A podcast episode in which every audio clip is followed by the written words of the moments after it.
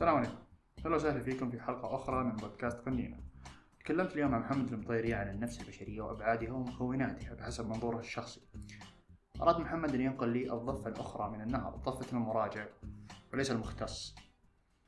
هلا والله. أهلين. هلا محمد. الله يحييك. كيف حالك؟ بخير جعلكم. كورونا negative؟ إي الحمد لله. اهم شيء عشان بس ما حد يقول لي بعاطس واجد أيوه. وبكحكح والصوت داخل الله يستر. أموري سليمة الحمد لله النتيجة سلبية. أسأل الله أن يجعل النتيجة سلبية على كل أحد. آمين آمين. الله يحييك. حياك الله في مكانك.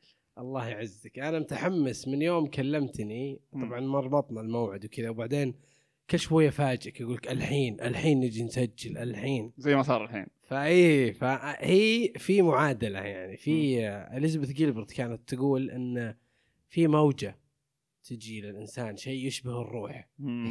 يحتله وهذه الحالة اللي يكون الإنسان فيها مستعد لأنه يتحدث أو ينتج أو و... وأحيانا سبحان الله ما تتوافق مواعيد المطروحة أو المواعيد البعيدة مع قدرة الإنسان أو إنه يكون متهيئ إنه يتحدث يستفيض عنده فكرة واضحة وكذا يعني. حلو ثم آه، يوم كلمتني ذيك المرة ما كنا ندري إيش بنقول سوى أني جزمت أني أفتح الكاميرا وأحدث العالم. عن فهمي وتج وقصتي وتجربتي و و وبصفتي إنسان آه، في ال- في الجهة الأخرى من الطريق عن كل ما يعني ويتعلق بالنفس البشرية. جميل. لأن إحنا لنا فترة نت- نتعرض لي ويتحدث معنا مختصين وشخصيات عن تجاربهم وأحاديث و- وناس انبحت أصواتهم من كثر ما يحدثون. حلو. فأحببت أنني اليوم أكون أنا رجع هذا الصوت وأقول في حديثي الليلة معك اليوم مدري يمكن يسمعونه الصباح تمام. حديثي اليوم معك حلو أنه هذا فهمي أنا كإنسان وهذا الفهم اللي شاركته مجموعات كثيرة من البشر آه، في المكالمات اللي أسويها مع الناس دقوا علي أنا بالطريق ذي. دقوا علي حول 3000 تقريبا شخص أوه. وتحدثت مع 90% منهم عن نفس الكلام اللي بقوله لك حلو ومن كثر ما عدت وزدت فيه مللت أن أعيده. ف... فقاعد متردد أقول إذا كان موضوع الأحد اللي بيدق علي من نفس هذا الموضوع فبرسل له رابط الحلقة عرفت؟ بقول. خلاص راح أسمع حواري مع عمر. هذه. السالفة ها؟ فضفضت فيه. اي هذه السالفة بكل تفاصيلها. حلو. فانا ما ادري أنا ما ادري شلون بيجيك فرصة ترد علي لا لا هات ما عليك رد علي. أحب السرد والاستطراد أنا أنا سالفتك مع لفة المملكة والأشياء اللي قد سولفت فيها مليت أنا فاهمك ما أبيك تتكلم فيها أبغى. أبغى الهاجس اللي عندك الحين اي يعني. أنا بحثي عن النفس البشرية ها. وأبي أبسط الحوار لأني أنا بني آدم زي أي أحد يحاول إنه يتعايش ويتعاطى مع هذا المكون الغامض. ويريد أن يعيش حياة السلام والحياة الطيبة اللي نسمع بها ويمكن بعضنا ما عاشها يعني ولا ولا يدري وش معناها حتى لو كان وسطها ربما يعني. فمن الأشياء اللي يعني هذا وهذا اللي بقوله ما هو بكله وجهات نظر وتأملات. لا بعض أشياء قريتها بعض أشياء. والآن ما عندي صراحة سعه إني أفرق بينها لأن الحوار اليوم حوار عفوي. صح. كلام تبنيته أنت إيه، ح- حوار اللي أنا فاهمه. أنا أقول هذا الكلام وأستعين برب العالمين وأرجو من الله التوفيق جميل. أنه النفس البشرية حسب فهمي أنا هي عضو هذه الحقيقة رقم واحد. وإذا اعتبرنا النفس عضو وطبعا هنا بيصير في جدل كبير مع الأخصائيين. لانك لما تجي تقول عضو أنت لازم تعرفه ولازم ت... لأن تجي تقول واحد هذا ملموس. أشر على النفس وينها فيه فالناس معتادة دائما على الفيزيكلز يعني عضو يتحرك و... ويطلع في الأشعة وفي المختبر طيب اعتبار أن النفس غير ذلك يجعلنا في ورطة صعبه جدا يجعلها خيال. والنفس تعرف بدلالاتها مثل الكهرباء يعني ما تقدر تشير إليها بس تعرف أشياء كثيرة تحيط بها والكهرباء شيء فيزيائي ما هو شيء هلامي ولا وهمي شيء معروف بالحقيقة. فكذلك النفس النفس عضو وهذا العضو له خصائص مختلفة. زي ما أن الكلية ما تضخ دم ولا تت- لها علاقة بالتفكير وإنتاج الأفكار. نفس الشيء ال- النفس لها خصائص مختلفة. ف هذه الحقيقة رقم واحد. ولأنها عضو آه، في إشكال جدا كبير في التعاطي معها. لأنه كثير من الناس يعايش عمره كله وهو يعرف يتعامل مع كثير من الأعضاء في جسده. يعرف إذا خشمه صب يمسحه بمنديل. ويعرف إذا جاله آه، دم في فمه يروح لطبيب اسنان ولا جاله ألم تسوس يستطيع أن يفرق يستطيع أن يدرك أو يعي إنه ترى هذا ألم ضرس فمعناتها تسوس ولا هذا مغص فمعناتها عندي مشكلة في الأكل ولا عندي مشكلة في الإخراج. فتعاملنا مع جسدنا عندنا مهارات فيه. بينما الإشكالات النفسية ما عندنا أي منهجية للتعاطي معها. كيف يمكن للإنسان أن يقول أن لديه مشكلة نفسية إذا هو ما يعرف عنها ولا شيء مم. وما يقدر يحس بها بنفس الإحساس حق الفيزيكلز أو حق ال- الأعضاء ملموس. ال ال ال الأخرى زي زي ما قلنا الأسنان ولا الخشم ولا الأهالي الله يعطيهم العافية في تربيتهم لنا وكل النظام يعني سواء كان أهل أو مدرسة أو أسرة أو حارة أو عيال عم أو كانوا يتعاطون معنا في الغالب على الملموس والمحسوس يعني مم. كلنا سمعنا من أهالينا فكرة انتبه لا تطيح انتبه لا تزلق لا تطلع في البرد وانت متروش. هذه كل سعودي وعربي يمكن قالها باختلاف اللهجات. لكن أكثر شيء كان ينكسر فينا أخوي عمر مو يعني واحد منا يمر عمره 20 30 سنة ما قد انكسر فيه عظم ما قد زلق. لكن أكثر شيء ينكسر فينا باليوم والليلة هو خواطرنا يا أخي. هو أنفسنا هو مشاعرنا.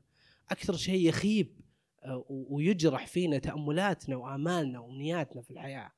بينما أجسادنا في كثير من الأحيان تكون سليمة من كل جانب. فمن اللي كان بيعلمنا يعني يعني عمرك 20 و30 سنة وتمر بظروف ومنعطفات كثيرة بالحياة ما فيها حوادث وكسور في العظام لكن فيها كسور كثيرة في المشاعر وخيبات وتوقعات غير منضبطة وتنمر وكلمني مرة واحد يبكي يقول لي خالي الله يلعنه كذا يقول تحرش فيني ثلاث مرات. فتخيل أنت إن الناس قاعدة تعيش معاناة شديدة في حياتها مع شخوص كثيرة وما عندها آلية للتشافي منها ما تعرف شلون تطلع منها. ما في أحد شرح لها أو علمها أو عندها أعطاها خلينا نقول الحد الأدنى من الوعي اللي يمكنها من أنها تعرف إنه هذا مرض. هذا مشكلة انه هذا شيء يحتاج تدخل. طيب من فينا يعني حتى أبالغ في وصفة الأمر؟ أقول من فينا الصبح أبوه وقت الفطور إن كان في عائلات تفطر صباحا قبل الدوام أو وقت قهوة العصر أو المغرب يقول لعياله يا عيالي اليوم أنا بتكلم معكم عن خيبات الأمل ولا عن الاكتئاب والحزن ولا عن يا عيالي اليوم. ولا أم تقول لبناتها يا بناتي لازم نتكلم عن التوقعات أو عن المثالية. ما في. يعني يكاد لا يوجد أحد يكاد لا يوجد. نادرين جدا مم. طيب إذا كان هذه صفة هذا العضو وهذه الحالة المحيطة به من لا من حيث قدرتنا انه إحنا نتعاطى معاه ونعرفه إحنا لا نعرف عنه ولا شيء حتى المدرسة المدرسة علمتنا أشياء عجيبة علمونا آه، قوانين الحركة والديناميكا والطاقة والأقسام الزهرة والطلع والمتاع والخاصية الأسموزية. عرفنا أشياء كثيرة عن الكائنات المحيطة بنا وقوانين الجاذبية والحركة. بينما أهم أهم كائن وأهم عنصر في حياتنا نتعاطى ما ما حد كلمنا عنه. يعني أنت ما تتكلم عن عن عن آه، المهارات الذهنية والمعرفية هذه وش مدى تأثيرها عليك في حياتك؟ 20 30% ويمكن أكثر. طيب هل تستطيع والجسد أيضا لما نقول إنسان مكسور ولا معاق ولا هذول كلهم ما يخرجون من كونهم بشرا. اللي ما كمل دراسته اللي ما هو بذهين اللي فاشل اللي رجله مكسورة اللي ما يشوف اللي جته إعاقة. هذول كلهم ما يخرجون من السياق الطبيعي للبشرية. بس اللي عنده إشكال نفسي عميق وأساسي هذا يفصل يفقد صلته على الاتصال بالواقع. يفقد صلته على وقدرته على أنه يتعاطى مع مع تحديات الحياة كلام بهدوء هي إعاقة من نوع آخر يعني على كلامك يجب التعامل معها يعني وعظيمة واشكال واحد و... و... يعني ما سبق من من الحديث عن غرابة خصائصها والجهالة اللي متكونة فينا والنظام المحيط بنا اللي مو قاعد يعلمنا من أسرة. وأهل ومسجد وإعلام والمدرسة اللي تعلمتنا أشياء كثيرة بينما أكثر الأشياء أهمية ربما يعني تجوز ان نقول هذا ما أحد أعطانا عنه حصة يا أخي حصة في المدرسة مادة صح. زي الوطنية الوطنية إيش كنا ندرس كنا ندرس توفير الكهرباء والمياه بينما المادة الأساسية ل... ل... لكون الإنسان مواطن حقا أن يكون يا أخي مستقر نفسيا مرتاح متصالح مع نفسه وعلاقاته مع الآخرين ويدرك مشاعره وأفكاره حلو. فتخيل هذه هذه كلها الآن محاولة ل خلينا نقول وضع مقدمة لأهمية النفس النفس البشرية حلو. طيب. وانت تتكلم جاني جاني كذا خاطرة معينة اللي هي عن يوم تكلمت إنها مشكلة وتحتاج تدبير وتحتاج إنها تكون فيها وعي في المدرسة وزي كذا جاء في راسي كذا إن الاجيال الجديدة هذه في رأي يقول لك إنها مضطربة يعني أو عندها إشكالات نفسية أكثر من الأجيال القادمة في. فريق يقول لك لا الأجيال القديمة كان عندهم مشاكل بس ما كانوا يقولون حلو مم. ممكن المشكلة تيجي أول بعدين يجي الحل دايم يعني الحين إحنا في المشكلة. جت جت الاضطرابات جو جيل. مضطرب زي كذا. يحتاج وقت ان ندرك هذه الاضطرابات بعدين نوفر لها علاج معين. فما تقدر تذهب الدواء قبل الفلعه على قولتهم. إيه. الفلعه جت الحين. الجيل هذا أنا أعتقد إنه مضطرب ومشتت أكثر من الجيل اللي راح لأسباب كثيرة مرة مرة كثيرة. ليش ليش بنجيب الحل بدري مشكلة. ما أقول لك ما هي مشكلة. لكن هذه أحد مشاكل الجيل. لازم يجب التعامل معها يعني بس ما ما أظن انه دقيق إن نقول الحين أكثر من أول بس أول كان فيه بس يمكن مختلفة شوي. ممكن ممكن يعني ثانية. يعني تعاملات كثير من الأهالي مع أبنائهم هي ما وأنا ما أدري التعميمات هذه تصلح ولا ولا يطلع شكلي متطرف وأنا أقول لا عادي. كثير من من الإشكالات اللي تحدث بين الأهالي وأبنائهم هي في الحقيقة نابعة وناتجة من وجود إشكالات في التعامل يعني لا الإبن سليم خلينا نقول من كل ناحية من ناحيته النفسية. ولا الوالدين عندهم مستوى أساسي من الاستقرار النفسي. وبالتالي أنت قاعد تلحظ إشكالات جدا كبيرة بين الأباء والأبناء. وهذا يكاد يعني ما ودي أقول في كل بيت بس بس كل أحد مننا ما كان هو فيعرف أحد عنده مشكلة مع أهله مع أمه وأبوه. أنا ما أتكلم مع أخوانه يعني مع أخوانه أكثر بكثير. وجزء أصيل من هذه الإشكالات هي هي هذه الإشكالات النفسية هي أن في طرف متسلط مثلا ولا في طرف غيور أكثر من اللازم ولا في طرف شكاك وموسوس ولا في طرف آه، مرتيابي وقلق زيادة عن اللزوم وقاعد يجيب ال- المش مشاكل كثيرة في البيت في التعامل معه يا كثر ما نسمع عن أبناء يجاملون آبائهم بس عشان يفتك من حنته من زنته أو من أمهات قلقها زائد على أبنائها وبالتالي صاروا أبنائها يمارسون الكذب عمدا عليها عشان ي... ما تخاف زيادة عن اللزوم ولا ما تقلق ويا كثر المشاكل اللي تتحول إلى إشكالات عضوية بسبه قلق زايد ولا تتحول إلى سهر ثم هذا السهر يسبب إشكالات في إفرازات معينة ولا في غدد ولا ثم بكرة يصير مرض يعني بالنهاية الإنسان وش له شوية الإفرازات اللي وأنت طبيب يعني تصلح لي هال- هالكلام شوية الإفرازات والإنزيمات اللي لو اختبصت نعم.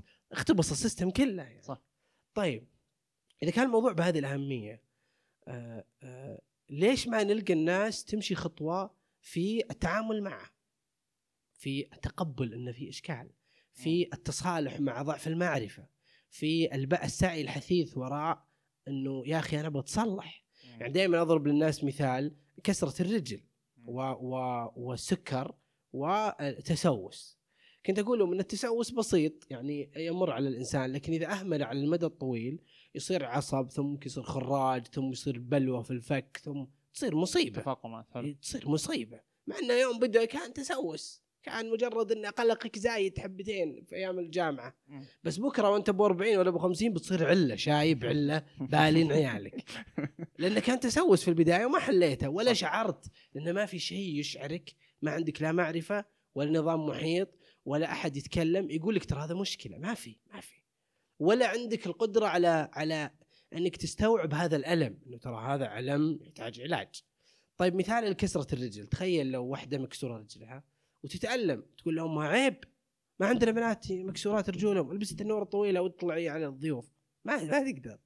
تدخل عرجة و... وسيحدث منها إشكالات. طب كثير من الحالات اللي تحصل في الزواجات اللي فيها إشكالات أو الصراعات اللي بين الإخوة. سببها هذا. أن في طرف مجروح نفسيا مريض ومطلوب منه في كل مرة أنه يدخل في وسط معامع وبعدين ينقال ليش قاعد يصير في ولدنا كذا؟ ولا بنتنا وش فيها؟ ودون يجيبون لها شيخ يقرأ عليها.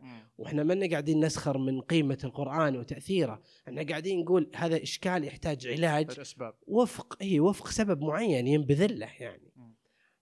والقرآن عشان يأثر بعد بعضهم كان يقول إنه لازم يصير في استعداد في نية قبل قبل ما إنه يعني مجرد تلاوته هكذا تصنع التأثير. آه، هذا مثال الثالث مثال السكر. في كثير من الإشكالات بالحياة لا يمكن أن تعالج حتى النفسية لا يمكن أن تعالج زي السكر. العلاج الوحيد لها هو إنك تسيطر على طول الوقت. آه، على على خلينا نقول الحالة اللي فيها تعطي آه، شيء معين خلينا نقول يعزز ال- ال- ال- الحل اللي ممكن إنه ينبذل وبعدين التعايش تقبل والتعايش. طيب كيف نجيب هذه الأمثلة عن النفس مثال التسوس والكسر والسكر. في كثير من الإشكالات النفسية تشبه هذول الثلاثة. ما تشبه السرطان وال والاشياء المعدية المؤلمة شيء اللي يحك جلده ويطيح لأن الناس دائما إذا جات جاء طاري المرض النفسي والاشكال النفسي يحسون إن الواحد. يمشي و... و... يعني مثلا يطق العالم ولا يخرج فضلاته في الأماكن العامة الموضوع مو بكذا يعني مو بكل الناس يوصلون مرحله السايكوسس هذه أو الذهان أو الانفصال عن الواقع. كثير من الإشكالات النفسية وهذه خذها مني أنا بطلقها وأرجو من جميع الإخوة المختصين يسمحون لي هذه الجرأة ويصححون معلومتي إن كانت خاطئة.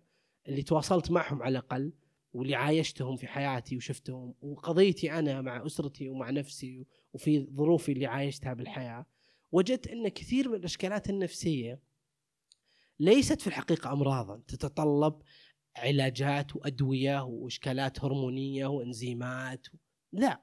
وجدت إن كثير من الإشكالات النفسية هي في الحقيقة تراكمات لأشياء. في ظل وجود ضعف وعي عدم معرفة وغياب المهارة. غياب المهارة. وخلنا نفكك هذول الثلاثة. تلقى الواحد مننا من يوم هو بزر من يوم هو في المدرسة زي ما قلنا. تعرضت لتنمر ويمكن تعرضت لتحرش جنسي من معلم من سائق من صديق في المدرسة. سخرية شديدة آه، خيبات أمل توقعات آه، كنت بتدخل كلية وما قدرت رغم أن معدلك عالي أنك تأخرت ولأنه صار ظرف معين وتقدم عليك غيرك بسبب أو بظلم أحيانا. تخيل كل هذه التراكمات قاعدة تم تنحش فيك. آه، قد قدمت كلمني واحد مرة حاول يتزوج 12 مرة وانرفض. فتخيل امثال هذه المواقف الحياتية تتقدم لزواجات وترفض. اهلك يعتقدون أنك أدنى لأن أخوك دكتور وأنت ما صرت زيه؟ فتخيل كمية التراكمات اللي موجودة في نفسك. هذا الأول. هذه. التراكمات. ثم في جهل جدا كبير في التعاطي معها. أنت ما تدري هذا اللي قاعد يصير فيك ليش قاعد يصير. يجيك ضيقة. عندك عندك سمات كثيرة فيها إشكالات بس ما تدري إنها مشكلة.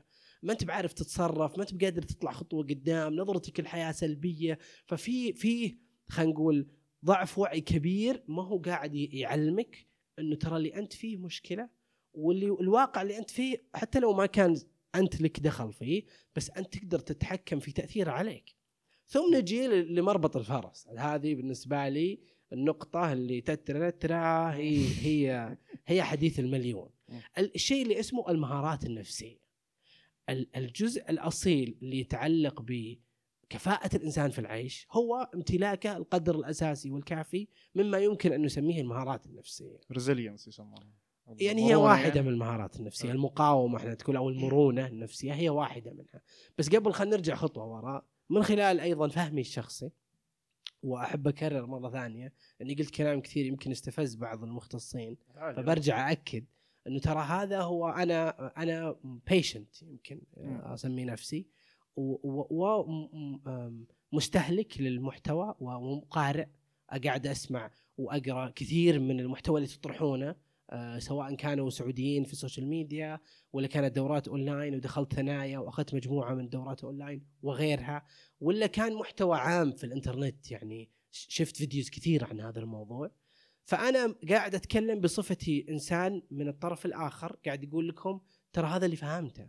وهذا اللي أنا قاعد أتعايش معه في حياتي وقاعد أحاول أسوقه للناس فإذا كان في كلامي تعديلات يا ليت إنه يصير عشان يصير هذا خلينا نقول محتوى إحنا نطرحه ويدور حوالينا يعني حوار ال- اللي فهمته إنه لا يمكن للإنسان وهذه يعني ترى لا يمكن للإنسان أن يتعاطى مع نفسه البشرية بشكل مباشر. النفس ما هي يعني هي شيء كأننا نقول نقدر نقول إنه عضو مخفي لا إرادي ما تقدر توصل إلى حقيقة كونها. مم. آه، إلا عن طريق طبقة يسمونها البرسوناليتي وبالتالي أنا فاهم إن بوابتي لتحسين صحتي النفسية وتحسين نفسي ورفع مستوى خلينا نقول صحتها وكفاءتها يتم عن طريق التعاطي مع البرسوناليتي وهم يقولون أن الشخصية عندهم تتكون من ثلاث مكونات رئيسية الشخصيه في في عند علماء النفس تتكون من المشاعر والأفكار وايش سلوكيات حلو. هذه مشاعر مم. وهذه الأفكار وهذه السلوكيات حلو. وهذول الثلاثة يشكلون النفس البشريه حلو. وطبعا في حوار كثير دائر إن شاء الله إنه واضح يعني. تأكد ناصر بالله طالع في الكاميرا ولا لا؟ طالع الاربع الثلاثة هذول طالعين ولا لا. هالثلاثة تمام. الثلاثة. في حوارات كثيرة عشان ما نفلسف الموضوع. مين أول من مين ومين يسبب مين وهل السلوك شيء هو ناتج من الأفكار والمشاعر؟ هذه حلو. الأفكار إحنا قلنا عفوا. حلو. وهذا السلوك لأنه طويل. وهذه إيش؟ الأف... المشاعر. مشاعر تمسح وتكتب. فالأفكار والمشاعر هم اللي يفترض يولدون السلوكيات. سلوكيات.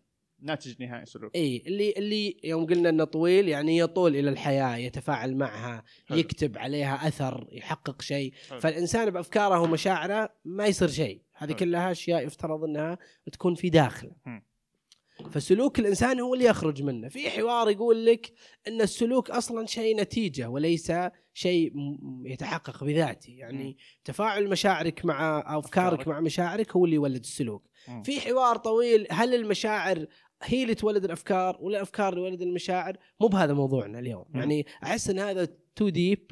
وتفاصيل جدا كثيرة مو مهمة في في المرة الأولى اللي يسمع الموضوع حلو. اللي يسمع الموضوع المرة الأولى في تقديري لازم يفهم إنه هو كإنسان يتكون من ثلاث مكونات رئيسية.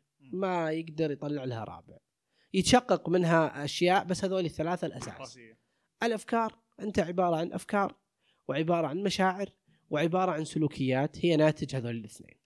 خلاص هذه مبدئيا كثير من الناس اللي يكلموني واللي أشوفهم واللي أقرأ قصصهم في تويتر عن حكاياتهم واللي أشوفهم في اليوتيوب يقولون فلوقاتهم واللي نسمعهم ونجالسهم في المجالس ونشوفهم بالحياة م. دائما ما يتحدثون لما يحصل عندهم إشكال أو تصير لهم تحديات في الحياة عن نت- نتيجة إشكال أو مرض يصيب واحد من هذول الثلاثة.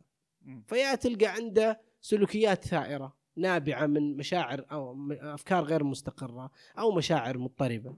أو عنده بالعكس برود شديد جدا في التواصل مع زوجته لأن أفكاره بالحياة مو الزواج بالنسبة له مو بأكثر أهمية. ولا لأن في مشاعره عنده فوضى. حلو. واحد آه، شاب متهور سلوكياته دائما متهورة لأن فكرته عن الحياة إنه يستقل ويقوى ويخرج بنفسه مشاعر طائشة. ومشاعره إنه يبغى يوصل إلى إلى استقلال إلى أن يثير الانتباه إلى أن يعجب فيه الناس يكون علاقات. وبالتالي رحت ولا جيت أنت هذا المثلث. تفاعل هذا المثلث هو اللي يشكلك. طيب لما نجي نحط هذول الثلاثة مع بعض نقول هذه الأفكار وهذه المشاعر وهذه السلوكيات.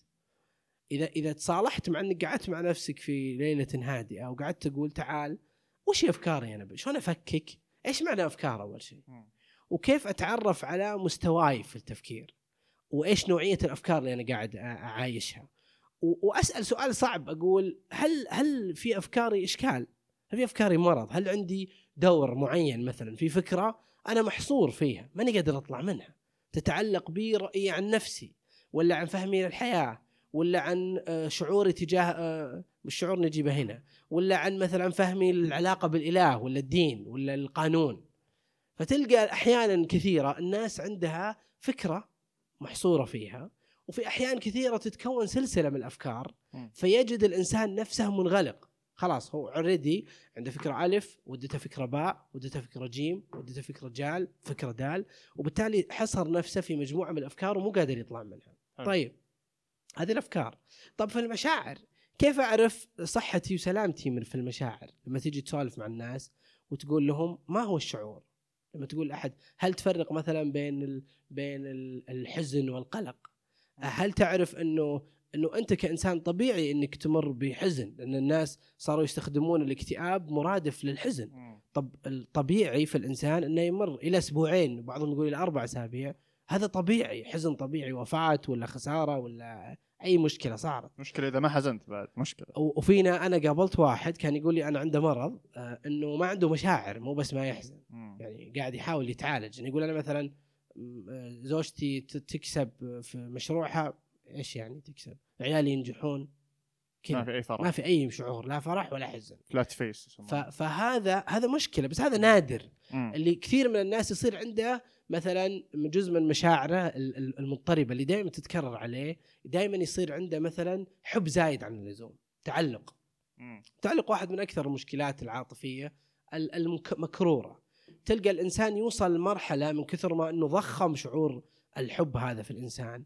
صار يشوف وجوده فيه يعني صار يشوف إن معنى وجوده في ردة فعله له. راح هذا الإنسان عنا معناتها مرض. وللأسف كثير من الأغاني وإن كان إحنا نستهلكها وهذه المشاعر إحنا أحيانا نشعر بها لكنها كلها تكرس هذا الإشكال النفسي اللي هو تعلق مرضي يؤكد على إنه الحياة من غير الحبيب وفاة. جميل بثينه وقيس ليلى هذول كلهم مرضى مشاعر. هذول عندهم أمراض نفسية. يعني لو إنهم كانوا في حالة يمكن لأحد أن يعالجهم كان كان ما ما صاروا كذا. والحمد لله استغفر الله ما عندهم دكاترة. عشان على الأقل جانا ينتحر الدكتور. وهذا طبيعي في الإنسان. يعني أنا ما أتخيل ترى إنه نتيجة هذا الحوار أن يصل للإنسان أنه يستقر من كل اتجاه. الاضطراب أنا أشوفه في وهذا بقوله لاحقا بس بقوله الحين كمقدمة يعني أن الاضطراب جزء من طبيعة الحياة. يعني يعني ما في شيء اسمه استقرار بالعكس.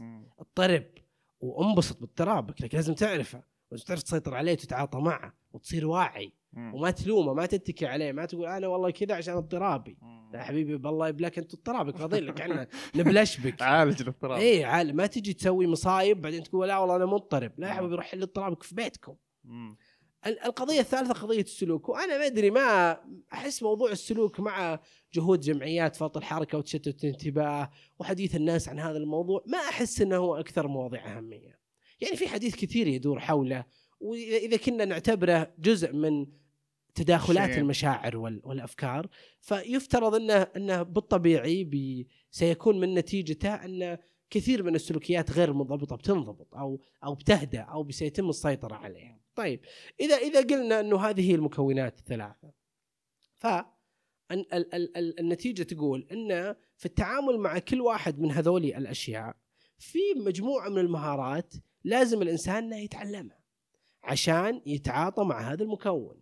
اللي يفترض إن نتيجته النهائية تخلي الإنسان أكثر صحة نفسية. بهذه البساطة برجع أبسط لأني أحس إني قلت حسي واجد. الإنسان يتكون من الأفكار والمشاعر والسلوكيات. السلوك.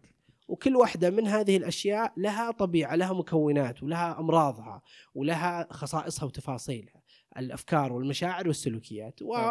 وتعرف الإنسان على أفكاره ومشاعره وسلوكياته يبي يساعده كثيرا على أنه يحدد مواطن الإشكال ويتعرف على المهارات الأساسية للتعاطي مع كل واحدة منها وبالتالي يعود على نفسه بحياة أفضل. كثير من الناس اللي يسولفون معي أيضا يحدثوني عن آخرين حصلت لهم معهم المشاكل.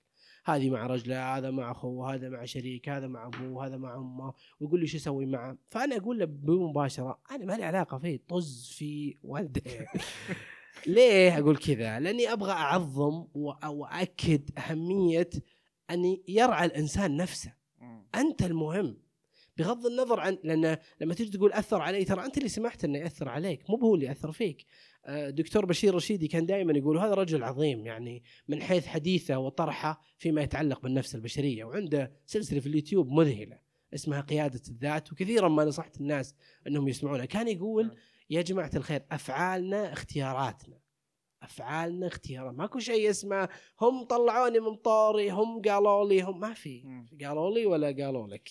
الموضوع هو أن أنت كإنسان قاعد تسمح لهؤلاء أنهم يخترقونك. وبالتالي أنت لازم تشتغل على هذا الموضوع. ما نقدر طبعا نعطي نصائح عامة لكل قصة في كل مجال لكني قاعد أقول إن رعاية الإنسان لنفسه هو بو هي بوابته نحو إصلاح كل ما يحيط به. plus في كثير من الذين يحيطون بنا لا نستطيع أن نغير فيهم شيئا خصوصا إذا كانوا أكبر أعمام آباء أحيانا يعني شخصيات معينة ارتبطنا فيهم بارتباطات بظروف ما أقدر أغيرها يعني لو أسوي اللي أسويه مستحيل أصلا هو يشوفني شيء حتى يسمع لي. لو أجي أقول لأبوي والله يا أبوي ترى أنت عندك مشاكل في المشاعر ولا يا أبوي ترى أفكارك مغلوطة عن يصكك ببيالة. جلفين يصكك ببيالة. ها. وبالتالي إذا أنت ما قدرت تغير والأصل إنك ما تهتم بتغيير اللي حولك.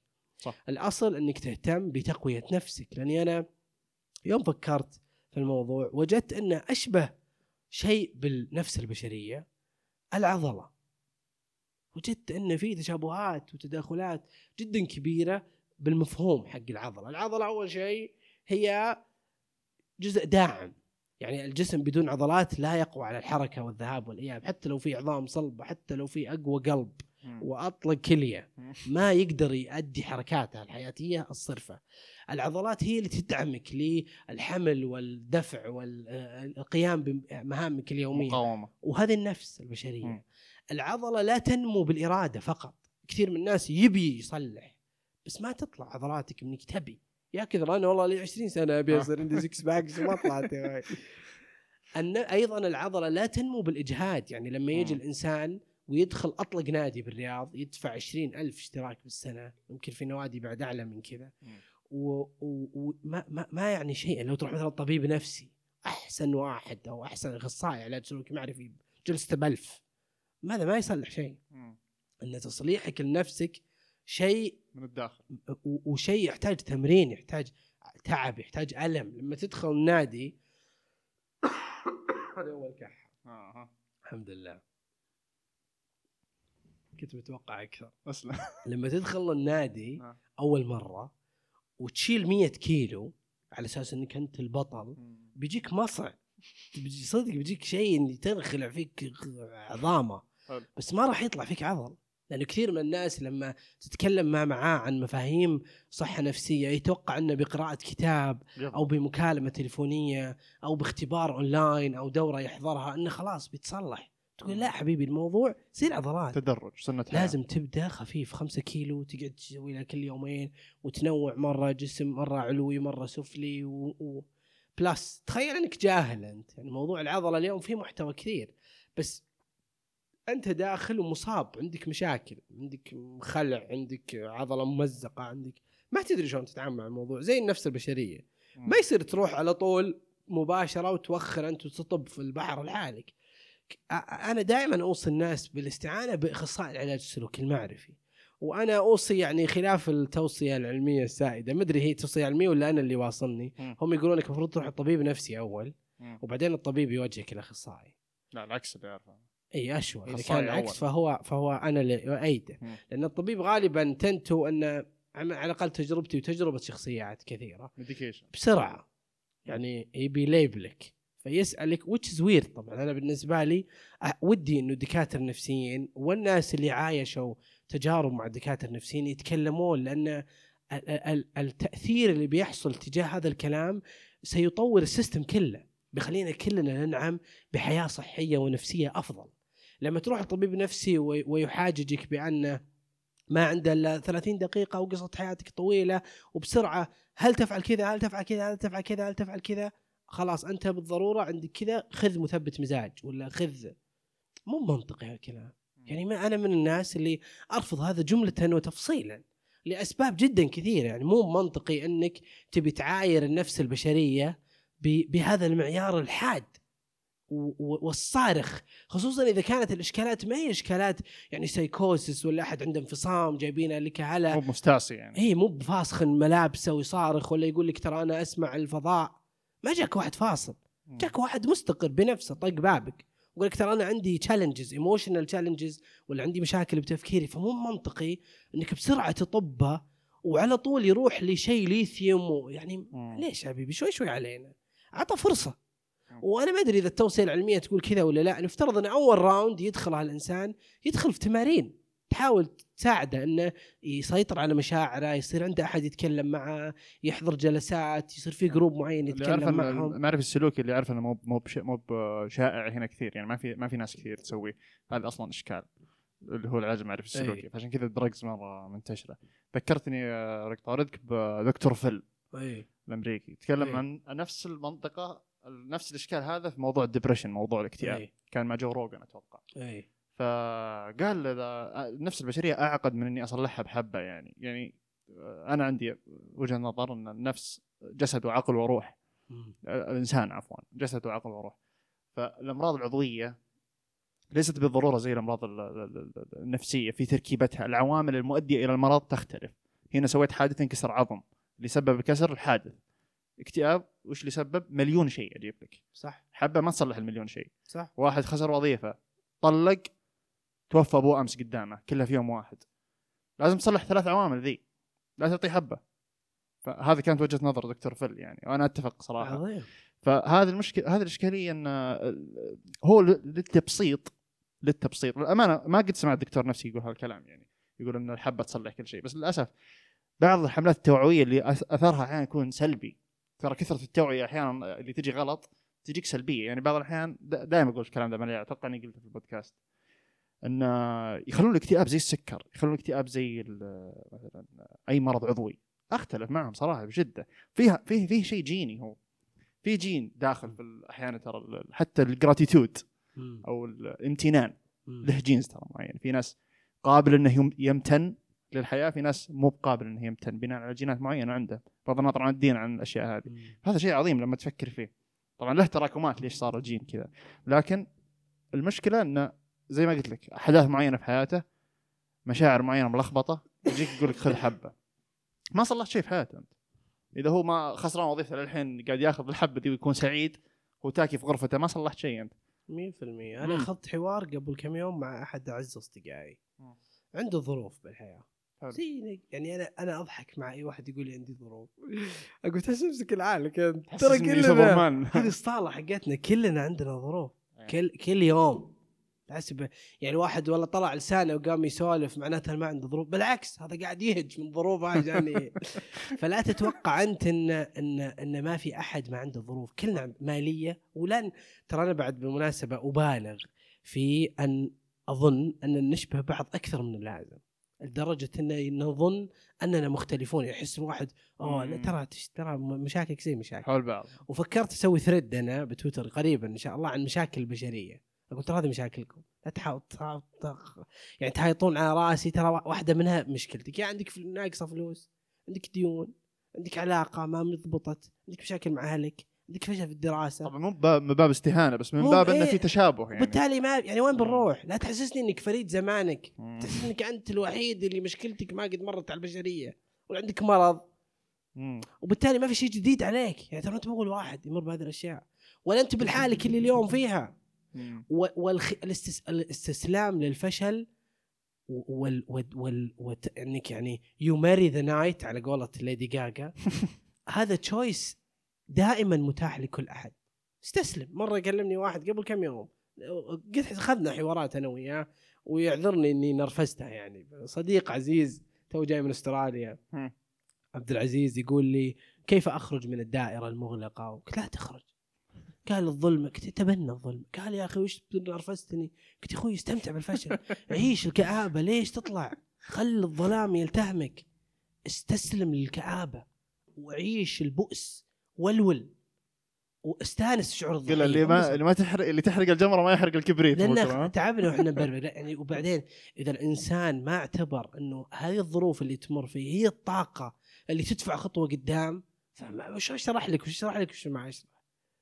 كل ما في يكاد لا يوجد أحد في الحياة عض- عمل عملا عظيما وانطلق من حياة مستقرة وهادئه وللأسف اليوم لما نتكلم عن الحياة المستقرة والهادئه كثير من الناس هذه من مشكلات الجيل الجديد. يظن أن المال هو اس الحياة. كثير من الناس. سعادة مادية. في واحد يبوسني هنا السعادة يظن المادية أي وبالتالي إذا الفلوس جت كل شيء. بيتصلح. كل شيء بيتصلح. والله العظيم أحلف لك مدري هل احلف بالله يكفي؟ والله العظيم. إني أعرف شخصيات كثيرة لديهم المال وليس لديهم إلا هو. ويعيشون حياة بائسة جدا وعظيمة. وفكر فيها انت ماذا يفعل المال لنا؟ أنا عارف إن فيه أشياء كثير حلوة بتجي من الفلوس. بس أنت ادخل لحقائقها شو الفرق بين سيارة ألف وسياره باء؟ هذه أفخم أريح بس بالنهاية مهمة السياره واحدة. في minimum requirements أتفق معك. يعني يصير مكيف يصير في سماعة. خرس. إيه سماعة مكيف على عيني وراسي آه. بس الفرق ترى بين روز رويز وبين مازدا 6 ترى مو بمرة كبير. عرفنا سيارتك. ولا يعني أكذب إذا قلت لك إني ما أتشوف زي كل إنسان ودة. لكن مو مو بهذا الموضوع. يعني والله ما أظن إني بفرق. إني لو أكسب مليار ولا أكسب 200 الزهد أنا الحين وأنا معك والله إني مطفش وش مفهوم الزهد عندك بشطح عليك وش الزهد؟ أنا ماسك سلسلة. لا بنرجع لها يلا ها. وبالتالي الموضوع مو مو موضوع امتلاك المال مو موضوع كم عندك فلوس. موضوع كم في قلبك أنت من من استقرار وهدوء وسلام لأن هذا هو اللي اللي يجعلك تعيش الحياة بغض النظر عندك مال ولا ما عندك مال. إذا عندك مال معناته عندك مشكلة فكرية. إذا أنت معتبر المال هو هذه واحدة من مشاكل التفكير. إذا أنت تعتقد إن وجود المال هو حل جميع الإشكالات يا كثر الناس اللي عندهم فلوس وهم أكثر ناس يتعالجون من الإشكالات النفسية. يا كثر الناس اللي عندهم فلوس وما جاهم عيال. يا كثر الناس اللي عندهم فلوس ويشعرون بعدم الأمان. لأن كل المحيط الذي يحيط بهم وكثير هذه من أد من من أمراض الأغنياء. أنه ما يدري من اللي حوله اللي يبيه ولا يبي فلوسه. ما ما يستقر ما يشعر بسلام في علاقاته. لأنه يحس كل اللي حوالينا طامعين بفلوسه. مصلحجية كل اللي يتقربون له. يبون فرصة يدخلون فيها على بابه. وبالتالي الم... ما في شيء اسمه عنصر واحد. ولا شك إنه نعم المال الصالح عند الرجل الصالح والمال والبنون زينة الحياة الدنيا. ما ماني قاعد أنكر المفاهيم أنا قاعد أحاول أوزنها. لما تجي تقول إن المال هو هو السعادة في الحياة هذه مشكلة.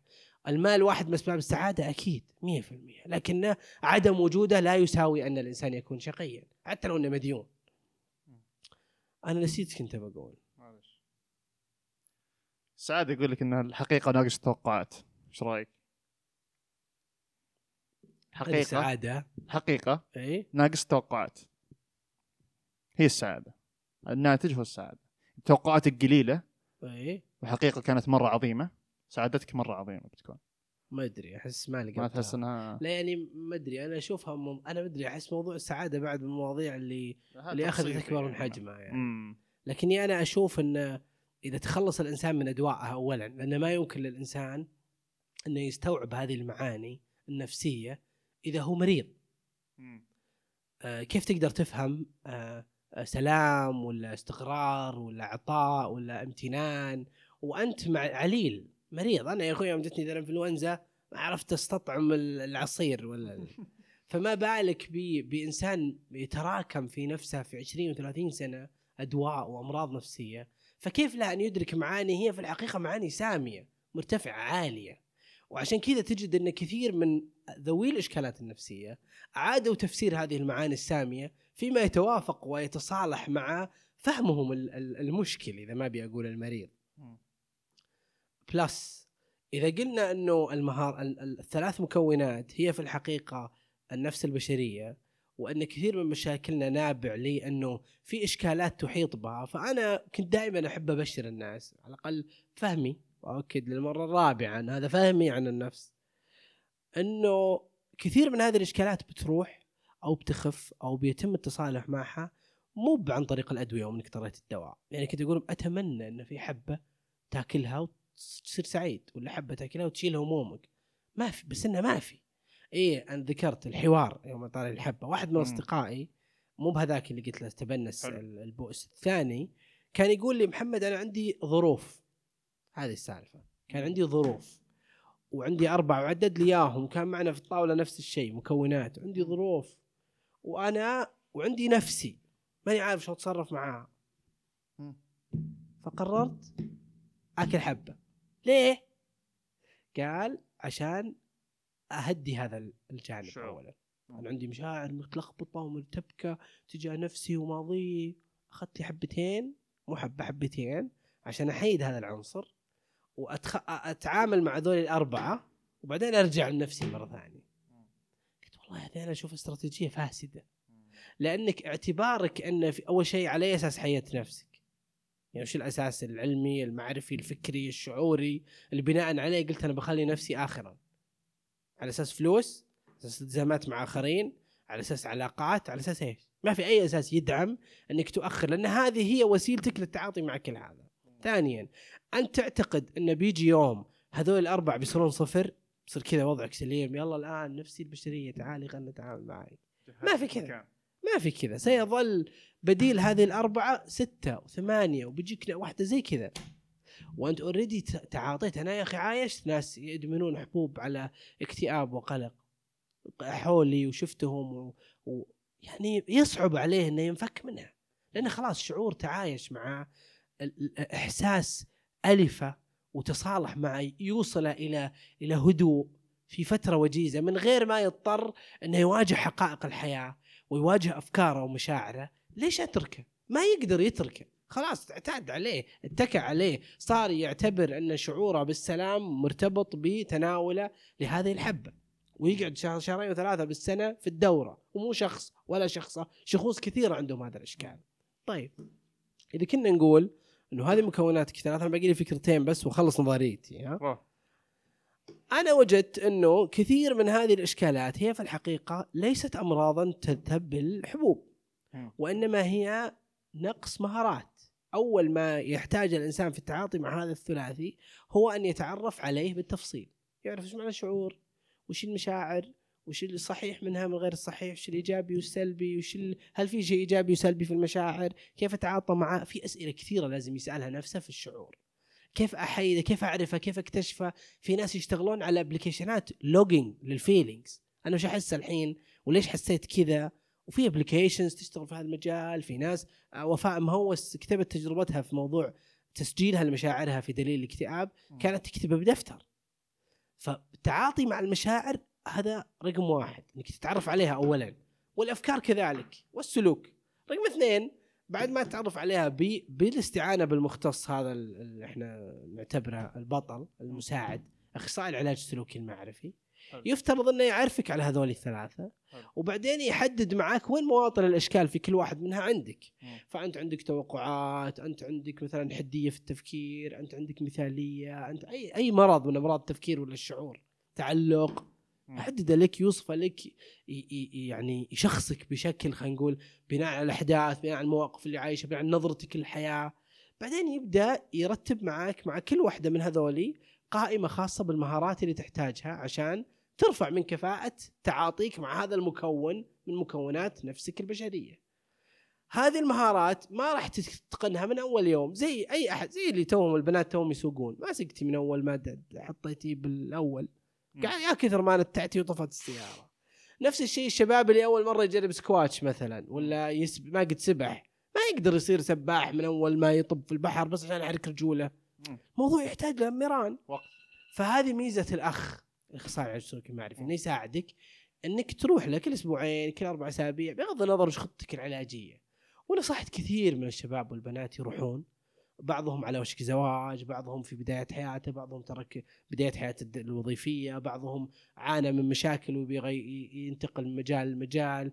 ووجدوا فوائد جدا كثيرة لارتفاع مستوى المهارات في الثلاثي الأفكار والمشاعر حسنوا من أنفسهم يعني. جدا. حلو. يعني يقول وصلت المساحة من الشعور والارتياح والتعاطي مع الحياة ما كنت أول موجودة عندي وما كنت أظن انه انه ممكن إني أوصلها. إلا بشيء يعني خرافي شيء مثالي. حبة ولا حياتي تتغير فجأة ولا أهلي مع انما الواقع حقه زي ما هو. اللي عنده مشاكل مع ابوه أبوه زي ما هو قاعد ما تغير.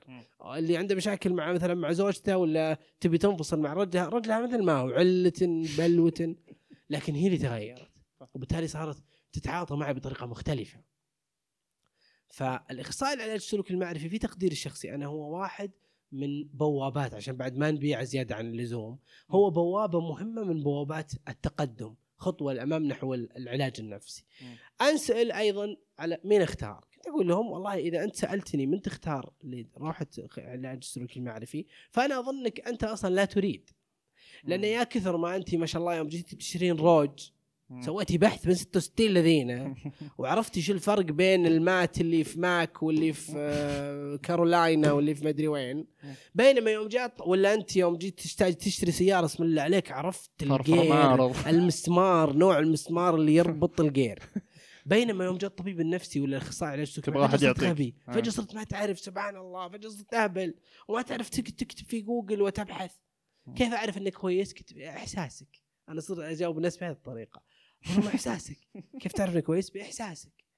وجرب النت مليان. كيف؟ آه، ما ما الأساسيات الجلسة النفسية. وطبعا المحتوى الإنجليزي أفضل مئة ألف مليار مرة من المحتوى العربي. شديد. واحدة من أبسط الأدوات اللي أعطيتها للناس كنت عشان ما تدخل في معمعة معايير وقوائم وكيف تعرف اقرأ شوي في هالموضوع بس حط في بالك إنك تروح جولتين مع الدكاترة أو مع الأخصائيين علاج سلوكي معرفي هذه استراتيجيتي. رقم واحد أنا ما أروح على طول من أول واحد وأقعد معه. أسوي بحث online offline أشوف الناس أدور في النت أروح مع واحد آه، جلسة أونلاين أروح مع اثنين العيادات لقيت واحد مرة رهيب في الشرقية أروح له. حلو. فأسوي جولة حسب ميزانيتي. كم تقدر توفر بالشهر؟ 1000 ريال تقدر توفر 2000 500 ريال. خلاص خلى الموضوع بالشهر. بالشهر أصرف ميزانية التطوير النفسي هذه على أكثر قدر ممكن منهم. في الجولة الأولى. الجولة الأولى شوف ثلاث إلى ست أشخاص مناسب. جلسة أولى. رح جلسة أولى. هذا أنا هذه حياتي هذه فكرتي هذه مشاكلي هذه رؤيتي. بيسمع منك. في واحد علة من البداية ما أدخل قلبك. إيش كنسل على أمه؟ القبول من الله. اي كنسل عليه. يعني لأن لأن لما تسمع كلام الناس في هؤلاء في المختصين عموما نفسيين وغيرهم حتى الأطباء. تلقى نفس هذا اللي يقولون عنه اللي فيه ويخطيه هو نفسه اللي راح لعبد الإله وقال هذا أحسن واحد في العالم. وبالتالي هي توافيك واحيانا حتى الأخصائي العلاج عموما تجي له لحظات صعبة يجي له أيام غير جيدة يصير عنده ظرف واحد ميت من أهله شاف هذا يشبه لأحد يكرهه. إنسان في النهاية. إنسان بالنهاية. وأنا بعد يعني نضيع الوقت في نقدهم. لأن أنت الآن يا, يا أنا أكلم الإنسان لا ما أكلم أخصائي العلاج. أخصائي العلاج من حقه إنه ياخذ كلامي ذا وينقده من ناحيته من نظرته العلمية والطبيب. لكن الإنسان اللي يعاني أنا هو اللي أنا قاعد أكلمه وقاعد أقول له أعطى فرصة زي المطاعم. تجرب مطعم تروح الثاني ما تقول لا والله ما عاد بياكل الاكل غير مفيد في الحياة. إذا ما عجبك المطعم الفلاني مو معناتها الأكل ما تاكل نفس الكونسبت ما عجبك الدكتور الفلاني روح الطبيب الثاني والثالث والرابع والخامس لأن بالنهاية الناتج اللي بيصير لك أنت ترى أنت اللي بتعيش حياة سليمة وهادئه وبتنبسط ما في شيء بيتغير في الكون أنت اللي بتتغير لحالك يعني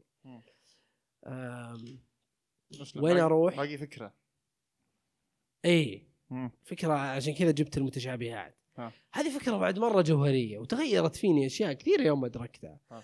ولا شك ولا و- و- واكد أنني ماني ترى قاعد أطرح نفسي على أني هذه بعد معلومة مهمة انها تنقال. أني أنا الوخر عني المستقر لا، أنا لا. السلام لا، والامتنان. أنا لا زلت أدافش وأطافش لكني أظن نفسي متقدم خطوة أو خطوتين جميل يعني في لحظات كثيرة كنت أول أنهار منها اليوم أصبحت أتحدث معها بكل هدوء واستقرار. في إشكالات كانت كبيرة في الماضي كانت تجعلني أنهار اليوم صارت بالنسبة لي قضايا جدا بسيطة. وفي لحظات صعبة. في أشياء قد تبدو سخيفة عند غيري هي بالنسبة لي جدا كبيرة.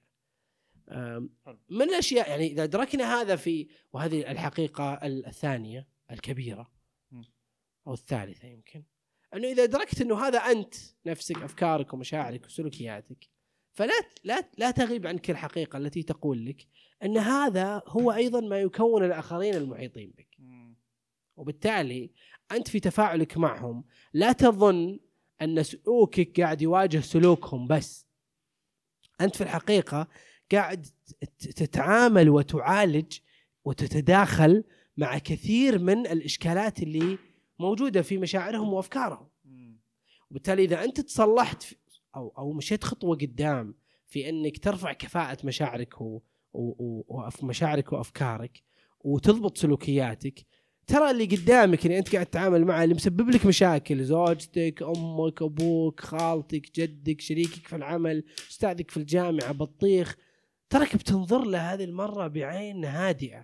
ومرتاحة وربما فيها شفقة ورحمة وربما تسمح له لأنه تعبان ومو عارف إنه تعبان. وتحاول إنك توصل له الفكرة إنه ترى عنده مشكلة وعشان وأحيانا ما تتشرع عليه. على الأق- هذه أبسطها إنك ما تسمح له هو يبعبع عليك انت اللي فيك وما فيك. أنت قاعد تسمع تقول تعال خمك. مو مع إن الكلام هذا أول كان يأذيك إيه. كان يألمك. صح. كان تحس إنه يا أخي ليش تقول كذا؟ يا أخي أنت اللي فيك يا أخي أنا مضغوط يا أخي أنا عندي يا أخي أنا مش بس لما لما استوعبت هذا وصرت تشوف وضعه ترحمه. تقول مساكين. تدري انه تراكمات أشياء كثيرة. كثير مساكين تقول الله يعينه مساكين. ما أدري متى بيجي يوم ما أدري شلون بوصل له ذا الفكرة. إنه يمشي خطوات زي ما أنا ما مشيت. والله العظيم يا عمر ويا المشاهدين والمستمعين والله العظيم حياتي تغيرت بعد المفاهيم البسيطة. يعني أنا ما أشوفها معقدة ما أشوفها يعني خرافية وفيها عقد. بسيطة. وأنا محمد تصالحت. يعني أنا اليوم عم عمدا لم أتحدث عن ماذا يعني شعور وماذا يعني أفكار وكيف نتعاطى معها لأن هذا تفاصيل يعني رقم اثنين خلينا نقول. رقم واحد تعاطى مع هذا المكونين الأساسيين زي ما هم. أنا لما تعرفت عليها ودخلت أعمق وعرفت وش مشاكلي في مشاعري وأفكاري وين وين إشكالياتي في التفكير بديت أدركها. يعني دخلت في دورة كذا في متلازمة معينة ناشئة من من اغلوطه أو من مشكلة أنا أعرفها من مشاكلي في التفكير أحس إني أصحى أستوعب. إذا جت في في قلبي مشاعر تراكمات مشاعر معينة ودخلتني في دوامة أدرك. لا والله ها انتبه ترى ذا سبب الموضوع الفلاني. فكفاءتي في العيش تعاطي مع الناس قدرتي على التعامل مع الآخرين ارتفعت. يا أخي حتى التنمر يا أخي صرت أستوعبه صرت أرحمه. ولا ولا أعطيه قدره بينما كان قبل يألمني يا أخي. والناس يعني تحدثوا عني بسوء كبير فيما في السنوات الثلاثة الماضية وصرت سبحان الله يعني مناعه اي يعني صرت أحس إنه عجيب يا أخي. لأن هذا ما يتوافق يعني هذا الحديث السوء ما يتوافق مع كل معايير الإنسانية. لا لا دين ولا خلق ولا ذوق ولا مواطنة ولا وبالتالي هو هو هو لا يعدو أن يكون مرضا. هو مرض. وبالتالي إحنا كيف نتعاطى معه؟ كيف نسمح له إنه يخترقنا؟ وكيف نسمح له انه وكيف نسمح لأنفسنا إن نتعامل معه؟ إننا نرد عليه ولا نعطي له قدره ولا نتفاعل معه. وهذه واحدة من المكونات اللي اوريدي قاعدة تأذينا اليوم يوم إنك جبت يوم إنك اضطريت سالفة انه في إشكالات الجيل القديم والجيل الجديد، الجيل الجديد عنده بعبع تنمر بشكل عظيم ما كان زي قبل. قبل كان في تنمر بس مو زي الحين. الحين من أمن العقوبة من ورا الشاشة يجيك. شيء مو طبيعي كميات ويوزرات وشخصيات واستقعاد. وما عاد تدري أصلا هذا معك وهذا ضدك وهذا فيوسوس الواحد. تتكنسل بسرعة الحين. وبالتالي الحل مع هذا إنك ما تتعاطى مع الإطلاق تغلق بابه بكل هدوء. تنابح على كيفكم والله ما دريت عنك. أنت مريض حبيبي يبيك تعالج. أنا ما أقدر أتفاعل معك أخاف أمرض زيك. الله يشفيك. ميوت. أنا حتى صرت ما أبلك عشان أوسع سعتي للناس. ما يصير block block. صرت أحط mute. أنا user الحمد لله ظهر في مئة ألف mute. يعني هذه آه. هذه ملخص الكلام اللي كان ودي أقوله وأرجو أن يكون نافعا لا جدا نافع صراحة. في في على طاري كلام اللي تقول أنت لما تصير واحد تصير تعذره تصرفه تدري أنت إنه نابع من أشياء وأفكار ومشاعر. في واحد من الشباب كذا مشاعر فياضة عارفه أحس لو يسوي أكبر مصيبة قدامي أعذره. ما أدري انه بعد المصيبة بيجي يعتذر. هو كذا يعني سريع الانفعال سريع الخمود. عجيب. فاسامحه بسرعة قبل لا أصلا يعتذر فأدري إنه. وهذه ترى واحدة من مشاكل المشاعر هذه من أمراض المشاعر. إيه. وغريب إن الناس ترى يعني تتعاطى مع يوم جبنا طار الأمراض. ما حد يستحي من السكر والضغط. وترى في أمراض نفسية كثيرة زي السكر والضغط تحتاج تتعايش معاها ما راح تروح. زي الناس اللي عندهم مثلا مشاعر فائضة أو over reaction أو dramatical way theoretical أحيانا يصير way of dealing with with emotions هذول الناس في أحيان كثيرة ليس لديهم القدرة على علاج هذا لكن لديهم القدرة على احتواء. زي السكر ما تقدر تعالجه بس تقدر إنك تزرع أفكار معينة تحط triggers معينة تخليه ينتبه لما يجي له هذه النوبة اللي فيها تعبير شديد وسيعيش في داخله مشاعر لكن مع الوقت بتخمد. يعني هذول الناس اللي يعيشون هذه الانفجارات العاطفية تلقى الدورة حقته ممكن تستمر أسبوع أحيانا يعني كثر ما هو منفعل وعايش اللحظة وتبعاتها وبعدين يرجع يسكرها. بس لو النار. لو تعلم المهارات ترى ممكن تنخمد في في بدري. وقتها يعني يمكن في ظل يوم ويمكن أقل حتى من يوم. هو ترى سبحان الله أنا أفكر فيها ترى من بعد شوي ما أدري هو عميق زيادة عن اللزوم بس أحس نفسيات الناس تغيرت مرة. والتغيرات دي بسبب يعني أحد الأسباب اللي هي الطفرة المعرفية اللي الحين إحنا فيها. يعني الحين جاك كمية معلومات يعني وش تلحق؟ صح. فهمت؟ هذا الكم ترى مو بصحيح. الفقير الآن يشوف الغني كيف عايش ويقعد يندب حظه. أول كان الحالة مبسوط كان عرفت كيف؟ فهذه الأفكار ذي يعني غريبة. المطمئن يشوف الغير مطمئن والغير مطمئن يشوفه مبسوط. ففي في اضطرابات. المعرفة أحيانا نقمة ترى. معرفه معرفة الأخبار الغير النافعة هذه اللي ما أخبار الناس مثلا. أحس إنها ضارة من هالناحية. وهذا الشيء أتوقع إنه ما صار يعني في اوقات آه، قبل ال social media وقبل التلفزيونات يعني أشوف ان الإنترنت يعني صح له جوانب جدا كثيرة إيجابية في الحياة لكن إحنا أعطيناه وجه أكثر من اللازم بحياتنا الشخصية. يعني إحنا اتكأنا عليه جدا والإنترنت صح إنه سهل حياتنا من جهة لكنه عقدها من جهة أخرى. صح. وجعل عندنا كثير من المعارف التي آه، تصيبنا بإشكالات كثيرة وتشعرنا. بالحيرة والفقد والبعد. ما تشعرنا بالاستقرار والسلام فلما تحس إن. كل شيء one click away تشعر. بقوة وهمية أنت في مم. الحقيقة لا تمتلك منها شيئا لو طفت الكهرباء أنت لا شيء مم. من غير الإنترنت يعني صادق كمان على طاري النت وال... أنا أنا من الناس اللي عالجت هذه النقطة في... على الأقل في حيزي الشخصي أنا يوم رجعت تويتر الرجعة الأخيرة قررت إني ما أتابع إلا أقل عدد ممكن اللي فعلا أطمئن لهم وأحب محتواهم. فأتابع 50 واحيانا أرجع أصفيهم 40 احسهم يكثرون. ما أتابع الهاشتاجات ما أكتب في الأشياء ال- ال- ال- الجدلية والكبيرة ما أدري. لو تفكر فيها 40 بالنسبة لي أنا طبعا عندي يمكن 200 متابع بس أتوقع 40 كثير. لو بتابع كل شيء يقوله إيه. برضه كثير. يعني ترى تستهين فيها أنت 40 صح صح. يعني اي بس يعني. لما 40 على مقارنة. ب 2000 1000 و2000 في ناس ما شلون تتابع. أنا ما عندي سناب الحمد لله من ثلاث سنين. حلو.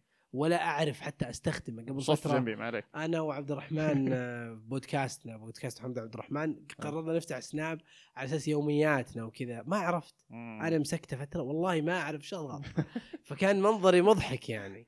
لكني سعيد فيه لأن أنا مدري أحس إن سناب محتوى يعني أكثر من اللازم.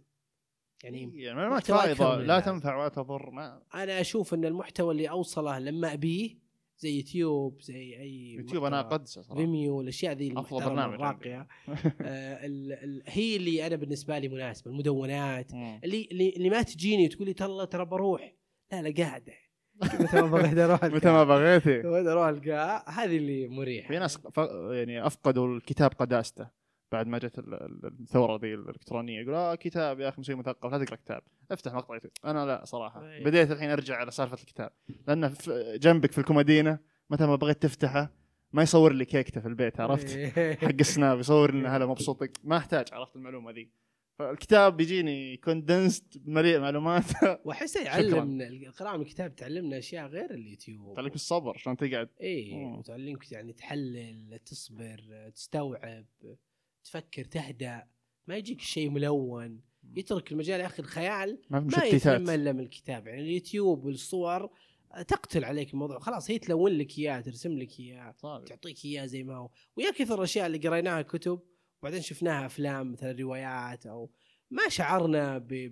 ب... يعني بجمالها حسينا إن التصوير اخترقها يعني اخترق قلل من جودتها. تمام. الأذى قبل شوي تكلمت أنت كنت بقاطعك بس خليتك. تتكلم عن الأذى البين أو ال- ال- الأذى النفسي أو ال- ال- الأذى اللي يجيك وزي كذا. برضه برجع لدكتور فل لأنه عجبني في الموضوع في النقطة ذي صراحة مرة blow my mind على قولتهم.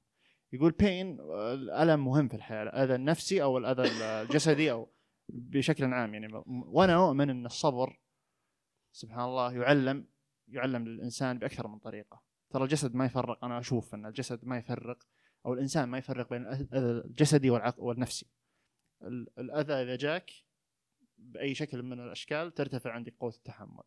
وبذلك تعيش حياة جيدة في المستقبل. وكل ما جاك أذى أذى بسيط متكرر على مدى طويل يعطيك يعني قوة غير ملحوظة. صح. أذى بسيط أذى بسيط أذى بسيط. أحسن ما يكون ما عندك أذى في حياتك عايش حياة كريمة جدا وما يجيك شيء قوي مرة.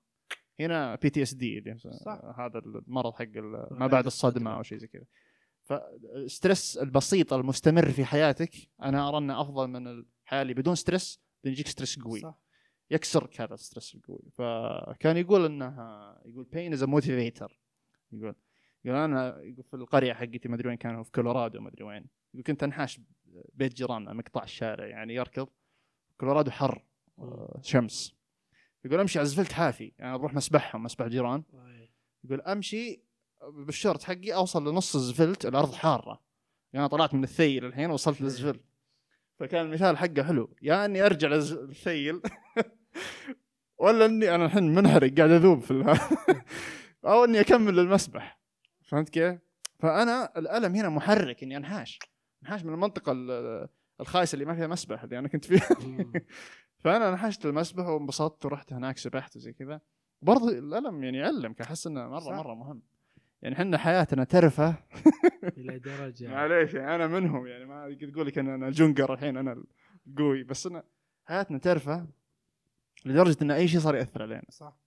أنا أرى برضو إن الشيء الشيء جانبين. الغلط ممكن يكون من جانبين. يعني انت جاك stress معين خلينا نقول التنمر ناخذه كمثال. أنا إيش طولت عليك أنا ولا؟ لا إيه. بالعكس. تنمر. أنا قاعد جت في بالي فكرة. اسلم تنمر كمثال خلينا ناخذه. أي شيء سيء في الحياة خذوه. واحد متنمر. غلط التنمر. بس غلط إنك تكون حساس برضه. يعني هذه كفتين. حلو؟ في تنمر كفاية زيادة يعني شلون أقول لك؟ خفيف كفاية لدرجة إنه يكون مزح. مو بمثال. كلامنا عمر شلون؟ يعني أحس ما أدري في ناس اللي تعرضوا للتنمر وكذا ممكن يقول لك يا أخي مثالي كلامك طب يعور يا يؤلم. هو يعور ما فيها كلام. هو يعور وانت ويخوف إيه، وأنت مو. بأسرع في السؤال دائما أقول يعني هل أنت نتاج التراكمات حقتك هذه ولا في شيء في يدك؟ يعني أنت شخص حساس كذا وعيت على الدنيا أنت شخص حساس. طيب تدري إن التنمر يؤذيك، تدري إن الأشياء دي تؤذيك، تدري إن في ناس سيئين حولك، ناس يقول كلام ما يحسب حسابه. وأنت آه، بس إنك عندك social phobia وما تبغى ما تبغى تحتك مع أحد زي كذا. أحيانا تحتاج إنك تنفض هذا الغبار تزبد لفلان بس طبعا بطريقة محترمة ترد على المتنمر بفلان تجعل من نفسه أضحوكه دافع عن نفسك في مضاربة. أنا أشوفها. يعني ال- ال- الغلطين على قولتهم زي زي الحوادث. زي الحادث. 60 40 إذا سويت حادث يقول لك 60% الغلط عليه 60% 40% الغلط عليه. طب حاد قابعني من ورا أنت اللي قابلني؟ صادمني من هنا ولا؟ غلط برضو. بس في واحد يتحمل غلط أكثر من الثاني. لو إني ماني حساس شخص عرفت مرة خرافي ما تأثر ما تاثر من طب متنمر نرجع لكلامنا اللي اول شيء. طب أنا لو إني حساس ما أعرف إني حساس. مم. وما أعرف ليش أنا حساس وما أعرف كيف أتعامل مع الحساسية وما أعرف إن الحساسية مشكلة. إيه. بس يعني تخيل كمية عدم المعرفة كبيرة. صح. فكيف أتعاطى مع الموضوع؟ أنا ماني قادر. هذه مشكلة نفسية. هو إشكال ما قلنا ما أنا أتكلم إن لا- لازم ما نطبع الحساسية. يعني في ناس من خلال التوعيه اللي تشوفها أنت الحين وأتوقع إنها موجة أصلا. يعني في أمريكا مرة استهلكوها سالفة التنمر وال bullying بعدين جتنا واستمرت هنا بعد بس أخ... أعتقد أعتقد أقدر أسوي assumption بناء على المراهقين اللي أشوفهم في حياتي أنا إنهم صاروا يا متنمر يا عرفت صار يطبع الحساسية يعتبرها شيء normal وأنا حساس وإذا شاف شيء ضايقه cancel ه فهمت كيف؟ ما هو ما تعلم ال... هذه خلينا. نسميها القوة ما أدري ما تعلم شلون. الجلد أو شلون يوقف على رجلينه يعني ويرد على فلان. يوم. إنك اضطريت ترف كلمتني مرة واحدة قالت لي مم. عندها حيرة شديدة في موضوع اختيار التخصص. ومع الحوار وكذا اكتشفت انه وهذا مو مو بالحوار الوحيد معها في شخ- شخوص كثيرين يصيبهم اكتئاب وحيرة وقلق ويجيهم أرق ويشعر بعدم الاستقرار بسبة إنه مو قادر يتخذ هذا القرار. فتجي يوم إنك اضطريت الاستقرار إنه في بيئات عكس اللي إحنا نقوله. ما هي بيئات م- ما هي بيئات متقلقلة وعندهم مشاكل. في ناس يصير over protected بيع- مثلا عمان خوارة مرة يعني ما يدهن لا تنكتين. وبالتالي لما يطلع الحياة عمره 19 سنة ولد نع- النعمة وعز آه، أهله مرة يحبونه درسوه في أحسن ما يدرسوا في العالم. فلما يطلع يواجه الحياة بقرار بسيط زي وين أدرس؟ ما يعرف يتخذ. فتخيل هذا تقول له لا موضوع ادرس اللي تبي أنا مو موضوع الحين معك وين تختار تخصص. أنا موضوع معك بكرة شلون تدير حياتك أنت؟ شلون تشتغل شلون بتدير التحديات اللي في العمل؟ شلون بت بت بتطلع بمنتج يفيد الناس؟ شلون بتدير لو ما انت بطالع بشيء بايونيرزم ويغير العالم شلون بتدير علاقتك مع زوجتك في بيتك؟ شلون تربي عيالك؟ ترى الناس مو بلطيفين كلهم زي أهل اي وبالتالي مو منطقي إنه يصير في حياة كذا يعني يعني عكس اللي قلنا قبل شوي أوكي يعطيكم العافية يا أسر. مو منطقي إنكم تعيشون في حياة غير مستقرة وبعدين تلوموننا على مشاكلنا والعكس. مو منطقي بعد الله يعطيكم العافية انكم تحملنا أكثر من اللازم. بالضبط. وما تسمحون إنه إحنا نعيش ونجرب ونغلط وندخل في مشاكل وندخل في مشروع وما ينجح. خلونا نغلط خلونا نتعلم يا أخي. في أب يعجبني مثال دائم هذا في الحياة الواقعيه يعرف يعطي عياله مسؤوليات معينة كل ما كبر يكبر عليه المسؤوليات ويعطيه هذه الجدية إنك خلاص هذه مسؤوليتك وزي كذا. بينما هو يراقبه يعني. فهمت كيف؟ فتلاحظ الولد ينمو عنده هذا الجلد. عظيم. حبة حبة. فأنا أشوف إنه شخص آه، مو عكس اللي over protected over protection اللي. قبل شوي مع إني أنا أشوف يعني. واحدة من المشاكل بعد ال- نمطنا نمط الحياة عندنا مو مو مستقر يا أخي من. الناحية النفسية يعني آه. يعني لما أتكلم عن مدرسة آه، 12 سنة ثم جامعة أربع سنوات وهذه ال ال 16 سنة مع الست يعني توصل عمرك 22 سنة وأنت اوفشلي يفترض إنك غير مسؤول أنا أشوف هذا خطأ. يعني في شيء لازم يتغير لأن بالنهاية ما في شيء من اللي مننا وهو في المدرسة حاول يسوي شيء ولا مشروع ولا- قليلين ذولي كل دفعة في واحد يمكن. بس أغلب الناس لا هو متعايش متصالح مع فكرة أنا صغير أنا ما أعرف أنا جاهل أنا ما أدري أنا وبالتالي يبدأ يواجه الحياة من عمر 22 سنة. ويبدأ 22 تخيل تبدأ حياته صفر 22 آه، ناصر اللي ورا الكاميرا عنده عنده أمثلة عكس ما تقول. آه عجيب. عنده ناس إيه أيوه. بالضبط. يعني. فجأة وكأنها تزوج وكأنها, توظف وكأنها قدرته. طب يا أخي هو ما عنده المهارات ما كنا نحكي عن المهارات. مم. ما عنده هو يعرف يحل يعرف يجاوب لك. أجسام جولجي هي. الج- المنطقة أنا صجيت العالم كثر ما جبت طاري أجسام جولجي. الأجسام الم- المسؤولة عن انتاج الطاقة في الخلية اطلع على المتاع قوانين الحركة. سن الشباب. هذا كان شاطر في المدرسة. سن الشباب والمراهقة أندف قدام. وبالتالي. و... و... إذا أنتم إحنا أوريدي قاعدين نتواطأ في البلد. على أن لا نعتبر هؤلاء مسؤولين بأي صفة كانت. والأنشطة اللا صفية في المدارس هي مجرد رحلات لحدائق الحيوان وخلافه. وما في مشاريع حقيقية للطلاب. الا يوم طلع مشروع التطوع وما شفناه يعني كان فاعل ب- ب- بالدرجة المطلوبة. يعني قبل فترة سويت thread على المبادرات المبتكرة في آه، لخدمه المجتمع في العالم. وطريت Me to We وذكرت قديش لهذه المبادرة من تأثير عظيم في كندا على التعليم واشتراك الطلاب في الخدمة الاجتماعية. برنامج التطوع اللي سوته وزارة التعليم ما حقق النتائج المطلوبة ما دفع الطلاب إلى إنشاء والدخول في حل تحديات وإشكالات كانت أشياء مؤقتة وحفروا زرعوا وشجرة وأنا ماني قاعد أقلل من ال- الأثر. مو بشيء مطلوب قاعد أحطه في حجمه مم. لا نضخمه لا يمكن بالغ فيه. وبالتالي هذه ما هي مسؤولية ما في ما في شيء انزرع في الطلاب ما في شيء تغير فيهم ما واجهوا الحياة ما تحملوا مسؤولية. كان بالإمكان إنه هذا البرنامج وهذا واحد من الأشياء اللي المفروض إنها تحملهم إياه ذكرت شيء كنت ناسيه في بداية الكلام آه. على موضوع المدرسة يوم قلنا ال lifestyle ما يساعد من العجائب إن نظامنا التعليم كنظام يدعم وجود ال- المكون النفسي في السياق المدرسي. إلا إنه هذا المسوى المكون النفسي خريج علم النفس يبدو لي إنه ما عنده ما أدري أنا أتكلم عن جيلي ما كنا كنا نحبه بس ما كان يتكلم معنا في هذه المواضيع. اللي اسمها المرشد الطلابي. يفترض إن هذه وظيفة أصلية المرشد الطلابي انه يقوم بالجانب النفسي في المدرسة. بينما المرشدين الطلابيين كانت شغلتهم استدعاء استدعاء ولاة الأمر إذا حصل. اي قاضي. من جد. يستدعي ولي الأمر صارت مشكلة يهوش الطالب. آه. المعلم يهدد الطلاب بالمرشد. ولا خريج لغة عربية تلقاه. المرشد شغلته الأساسية إدخال الطلاب فصولهم بعد الفسح. فتجد إن وأنا قاعد أعمم للمبالغة. ماني. قاعد أعمم لأني متطرف في التفكير. ما عليك. عامل تجربتك للطرح. ما عليك. وقاعد أقول أنا أحب مرشدين الطلابيين كانوا من أطيب الناس لكن على رأسي كلهم بس ما في ولا واحد منهم تكلم معنا بهذه المفاهيم. هذه المفاهيم اكتسبناها ومتى أنا بديت أتعامل معها أنا محمد كإنسان لما طحت لما دخلت في خفس ما قدرت أطلع منه. صرت- بالطريقة الصعبه صرت مضطر إني أبغى أطلع من هذا البؤس اللي أنا فيه. هذه الصدمة اللي قبل شوي أقول لك. أنا أشعر باختناق. علاقاتي غير مستقرة حياتي غير هادئة. لا نظرتي لنفسي ولا علاقاتي مع الأسرة المحيطة ولا إلى إلى متى؟ طيب الموضوع مو بنا مو بس أسلوبي وتفكيري. أنا عندي مشاكل. في أسلوبي ومشاعري وأفكاري. ومشيت بس ب... بينما لو لو لو فرضنا إنه في محمد ثاني عاش في عالم موازي وهذا كان في أحد قاعد يدعمه ويساعده ما أظن والله العظيم كان بيصير نفس اللي صار. كان بيصير الوضع أكثر كفاءة.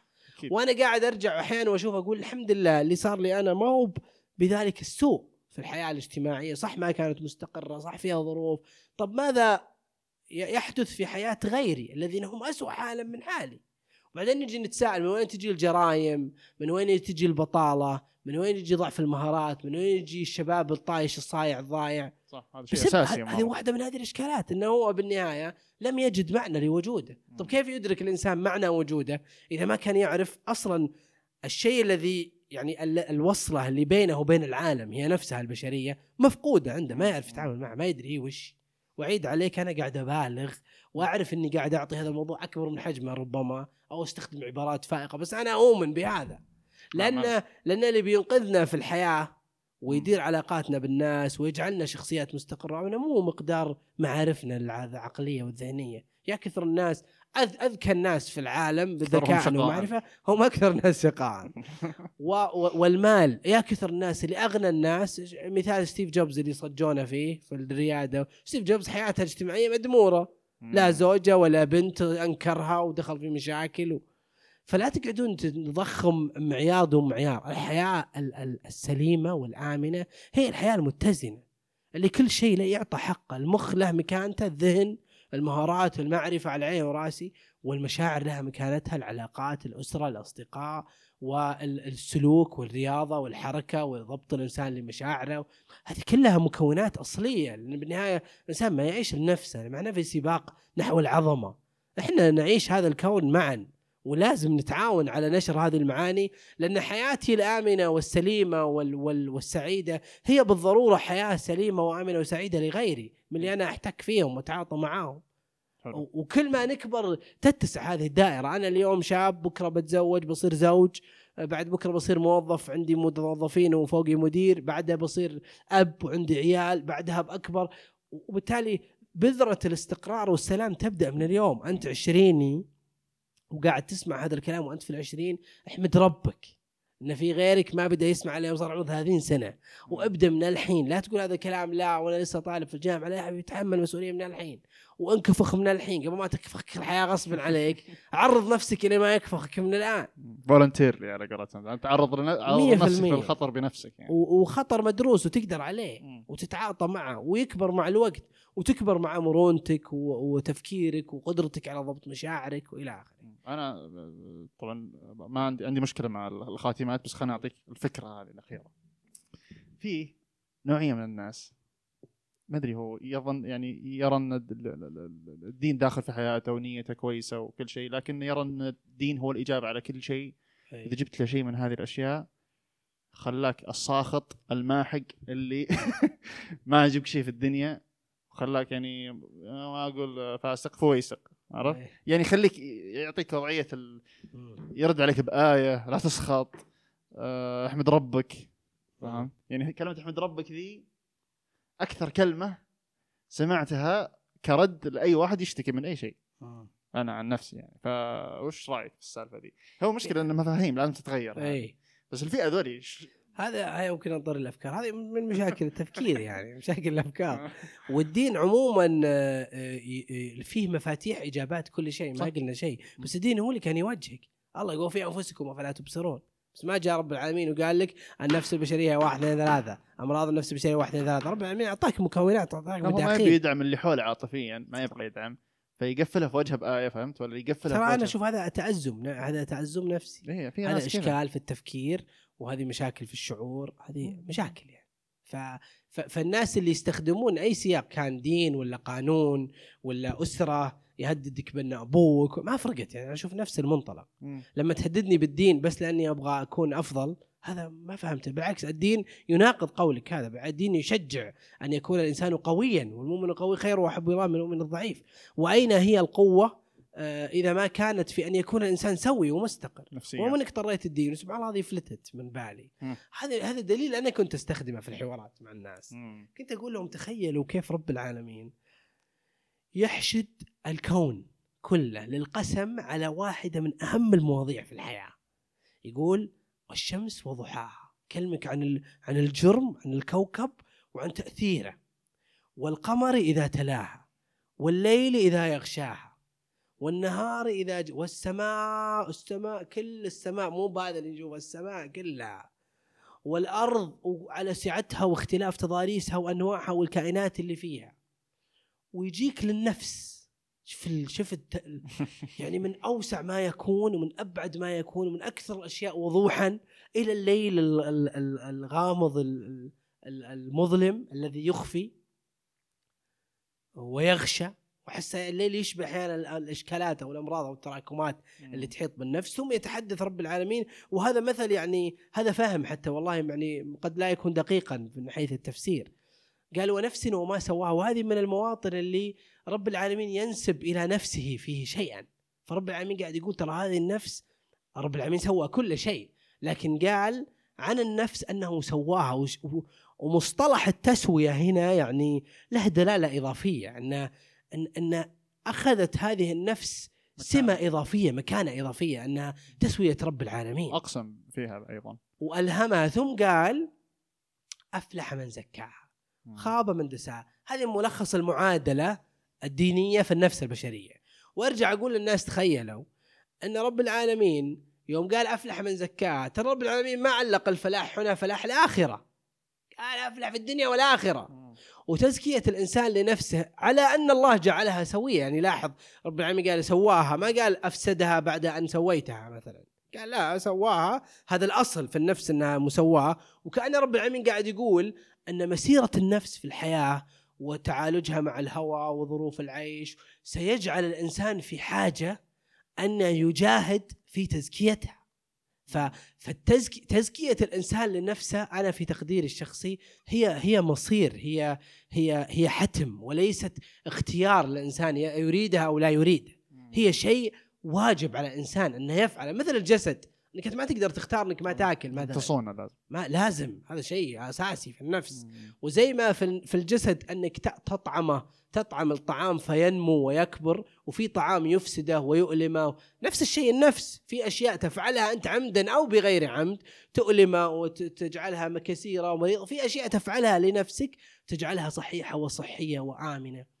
وقد خاب من دساها ورب العالمين كأنه قاعد يقول أن كثير من الإشكالات كأنه قاعد يقول عشان ما حد بعد يهجم علي أن كثير من الإشكالات اللي تحدث للناس هي في الحقيقة عمد وليست غير عمد.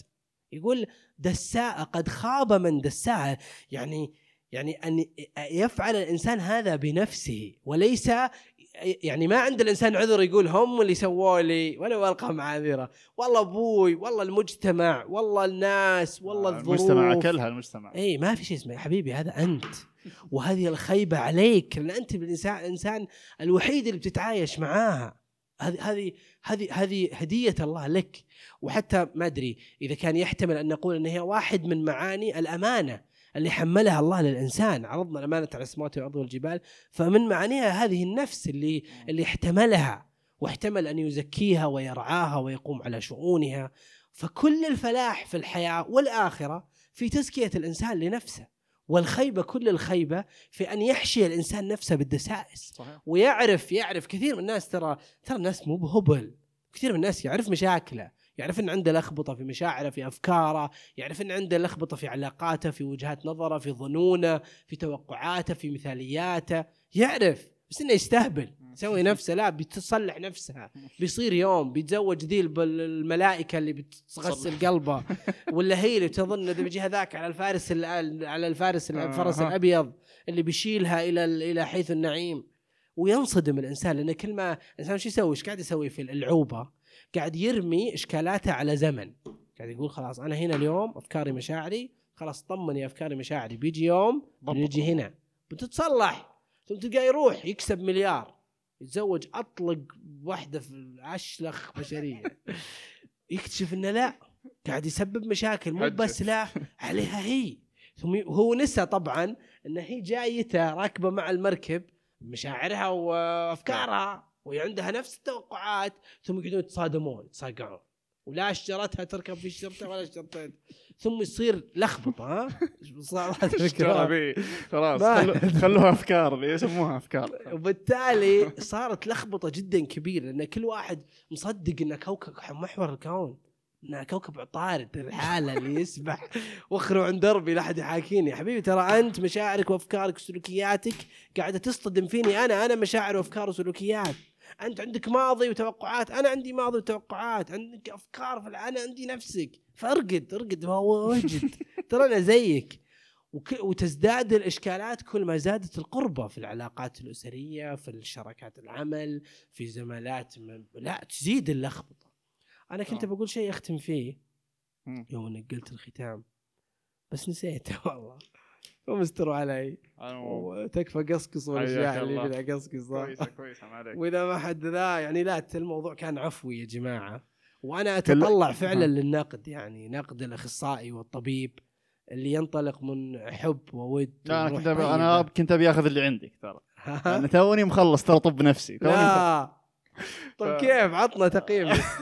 توني مخلص قبل أسبوعين فلا لا الحمد يعني كويسه نظرياتك يعني كانت جديده علي الأمانة هذه الثلاثي. ما قد سمعت فيها. ما يدرسونكم لا الحبوب. يدرسونكم لا الحبوب. عطوا حبوب. ويا ليت في حبوب يا أخي. والله والله لا اكلها لو في حبة كذا. تخليني أطلق واحد في العالم والله لا اكل درزن لا. بس عاد الحياة لازم الواحد. يواجهها.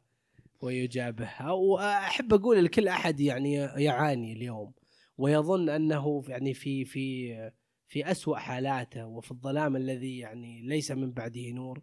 ترى أنا كنت قبل مكانك قبل فترة قريبة مو بعيدة ومو بس أنا عشرات الناس كانوا في مكانك. واللي خلانا نطلع من هذا البؤس ليس إلا حسن الظن برب العالمين ثم السعي والمحاولة. وإصلاح الإشكالات في هذول الثلاثة، لا أحد يضحك عليك ويقول لك حبه تصلح مشاكلك. الذي ينقصك يا حبيبي هو نقص المهارات، أنت زي اللي عندك عضلة مترهلة، ما تقدر تروح ماراثون. تحتاج شوي شوي تأخذ نفسك بالهداوة، تأكل أكل صحي، تهدى، ترى واحدة من التوصيات العجيبة اللي فرقت معي، الأكل الصحي حقيقة. يقول لك إن واحدة من أهم تأثيرات أو مسببات الإشكالات النفسية في واقعنا المعاصر الأكل. إحنا أكلنا زي ال- إيش؟ ما المشكلة ما أقدر أسب يعني live أكلنا سيء كله دهون سكريات آه، وكميات كبيرة براقر جبان بباسي نطلب ذا اللي بطل. ماخذين راحتنا. وببيره ما بيرات. وبالتالي ولا في حركة. وبالتالي وين تبي جسمك يفرز إنزيمات يرحم أمك؟ يبغى سيروتونين من وين يجيبه؟ من الماك اللي تاكله ولا من آه، الحلويات اللي قاعد بالدرزن ستة كيت كات يرحم أمك ليه؟ ذا؟ شكلك تعرف ليه ليه؟ ف... ف... ولا القهوة الك- الكثيرة جدا كميات الكافيين. ترى أنا قاعد أتفلسف وأنا عندي هالمشاكل. أنا حالك وان كان هاليومين؟ يعني يوم مرضت قررت إني أعود. أنا نحفت في الحجر وضبطت أكلي نحفت 15 كيلو. ما شاء بعد الحجر emotional eating و stress خلاص. حط حرتك في ال double Whopper double يقول لك medium تقول لا يا أبوي upsize تحس انها سبة ميدي اي أنا medium بعدين تقول له تكفى وبعدين خلى لا diet cola الله يسلمك. بعد ما خرب البيت. وأنا أحب ال diet والله عشان طعمه أستغفر الله مو بعشان. ف... فأنت الذي تعيش في الظلمة لا تظن أن هذه نهاية الطريق ابدا. استعملها كقوة إحنا طلعنا من هالأزمة وأنت بتطلع منها. دق علي. أنا رقمي موجود. حطوا رقمي في الحلقة. وحطوه على الشاشة لو قدرت ترى أستاذ محمد good listener فدقوا عليه يا دقوا شباب. علي. واحيانا ترى اترافق مع اللي يدق والله. علي. إذا لا يولول وكذا أنزل فيه ما عندي. واللي دقوا علي يعني يشهدون هذا. لكني دائما منطلق حسن النيه ما أعرف أرقام ما عندي Number Book في ناس يدقون علي يقول آه تلقى اسمي في Number Book تبغى فاضي لك أنا. اقعد ادور وراك في Number Book جدك انت أكيد بيدقون عليك ناس غريبين تحط. رقمك ف... فابدا يعني اللي بيدق بيقول كلام يبي أحد يرد صوته فأنا حاضر وقريب. وشكرا لك عمر على الله تحت الفرصة. ما قصرتنا. وسعدتنا بهالليلة. شوي. لا لا والله سعدتنا بليلة. لقاء مفاجئ والحمد لله. كان جميل صراحة. الله يعزك ويعافيك. شكرا لك ويعطيك العافية أنت والجميع. الله يعافيك. شكرا. شكرا. شكرا لاستماعكم. لا تنسونا من ملاحظاتكم واقتراحاتكم ولا ينهي البرنامج. في أمان الله.